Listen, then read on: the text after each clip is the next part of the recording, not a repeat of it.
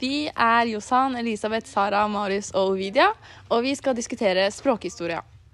Samnorsk, er det en god idé? Eh, jeg mener at eh, samnorsk ikke er en så god idé pga. at vi allerede har mange, eller mange som skriver bokmål og nynorsk som hovedmål. Om vi skulle lagt inn de to, så hadde det blitt mye problem med å finne ut hva ord vi skulle bytte. og Det hadde bare blitt kaos, rett og slett.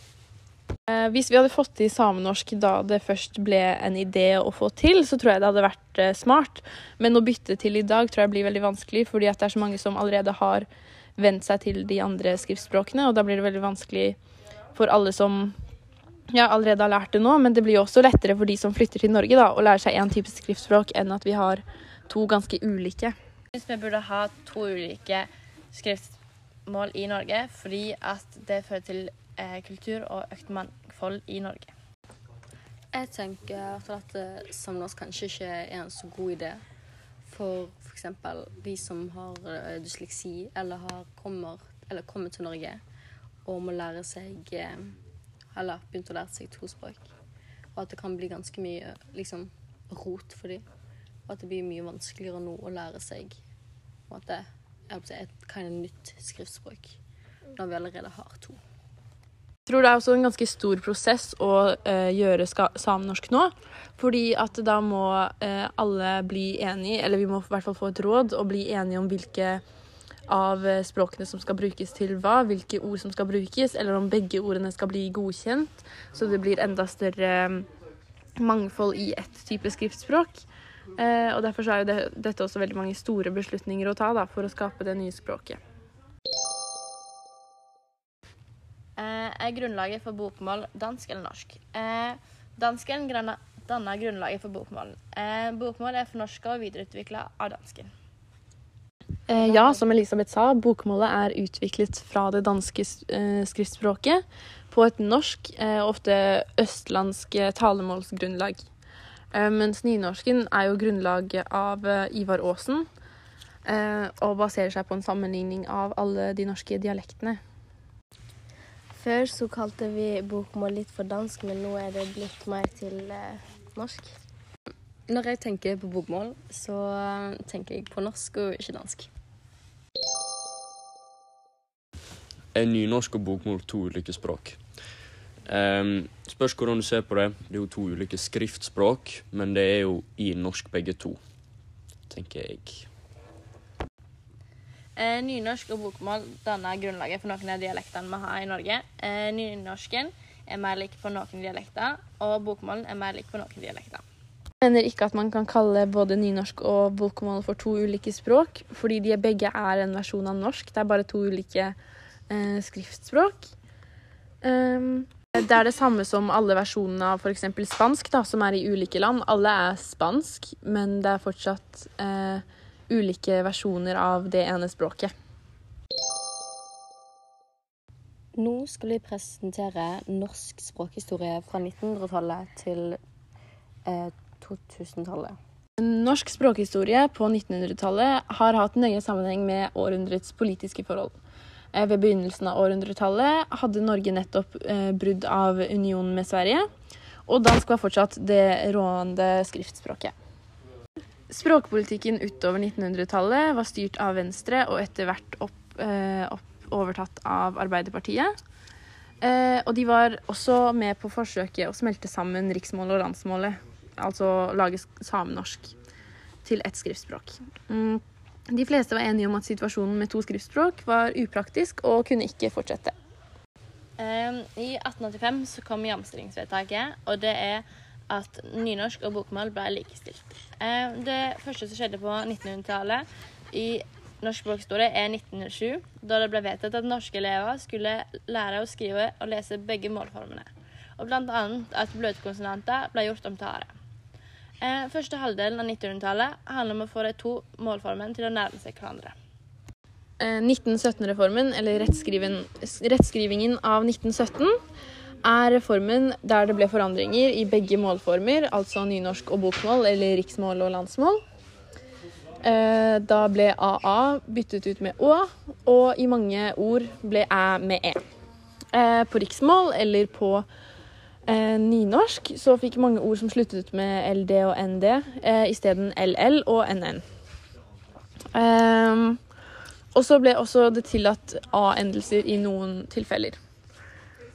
Eh, men det var også mange av folket som ikke var så entusiastiske for dette, selv om eh, mye av det ble godtatt ganske fort. Forfatterne som eh, Knut Hamsun og Nils Kjær eh, ville heller ikke ha denne reformen, da. I ny eh, norsk ble som det i slutten av noen gjort. Flertallet i bestemt form ble forandra, og det ble innført og flere valgfrie stavemåter. Eh, I 1929 så ble riksmål og landsmål bytta ut med nynorsk og bokmål. Eh, og i 1938 så kom samnorskreformen. Samnorskreformen er en svært radikal form som skulle være med på å smelte sammen de to målformene. Eh, det var Arbeiderpartiet som overtok regjeringsmakten på den tiden. Eh, og mange valgfrie former ble tvungne, og diftonger ble gjort obligatoriske i en del ulike og valgfrie noen ord. Eh, det var òg innføring av hundskjønnsendelsen A eh, i mange ord. Eh, 1941-reformen, som nå ikke gjelder, eh, ble kalt nazistrettskrivingen. Eh, eller Quisling-rettskriven. Eh, Quisling eh, sin regjering eh, ville forbedre og rette opp i feil. Eh, men eh, denne reformen var bare 1938 til 1941 og ble fjerna etter eh, krigen. 1951-reformen. Denne reformen handler om muntlig norsk. Tellingen ble forandra i denne formen, f.eks. For ved en måte å si eh, 51 og ikke 51. 7 og 20 ble erstatta med 7 og I riksfoldemåten eh, møtte motstand i Riksen måltilhengeren med denne reformen. Det er fortsatt noen som bruker den gamle tellemåten i dag. Eh, 1959-reformen. Stortinget oppretta i 1952 eh, Norsk språknemnd for å normere norsk skriftspråk. I 1959 så la de frem et forslag til en ny reform av rettskrivingen i skolens lærebøker. Eh, hensikten var å standardisere språket i lærebøkene og finne frem til en norm som gjorde parallellutgaver, eh, slik at på en måte alle språka ble samla til ett i skolebøker. Eh, For bokmål så innebar reformen at ord med r nå fikk dobbeltkonsonant, eh, og noen ord på hv fikk isteden v. Eh, Nynorsken derimot fikk gjeninnført noen gamle former som hadde blitt fjernet i tidligere reformer. Og denne reformen møttes igjen stor motstand som de andre reformene. Eh, og eh, samnorskpolitikken var i løpet av 1950-året sterkt svekket, og derfor også gikk mot slutten. Eh, språkstriden roet seg i 1960-årene, og særlig etter at Stortinget i 1964 opprettet Vogd-komiteen for å gjennomgå hele språksituasjonen på fritt grunnlag. Eh, I 1972 så ble Norsk språkråd opprettes, og samnorsktanken forlates og språkstriden stilnes. Eh, Neste reform er bokmålsreformen, som var i 1981. Eh, Da var det en reform som var en videreføring av å eh, eh, opprette eh, likestilling mellom riksmålsbevegelsen og bokmål. Slik at det ble sidestilling med hundkjønnsord som solen, kuen og geiten ble sidestilt med sola, kua og geita. Sidestilling av intetkjønnsord som husene ble til husa, eller begge ble sidestilt. Eh, obligatoriske hunnkjønnsord ble sterkt redusert, eh, og de kan nå ha én i be bestemt entallform. Eh, og ordformer som frem, syd, nu, bro, mave, sen og muld er likestilt med fram, sør, bru, mage, sein og moll. Eh, Men typiske riksmålformer som språk, efter, i dag og havet blir nå forbudt. I 2005 var det òg oppretta et nytt organ som ble også kalt Språkrådet.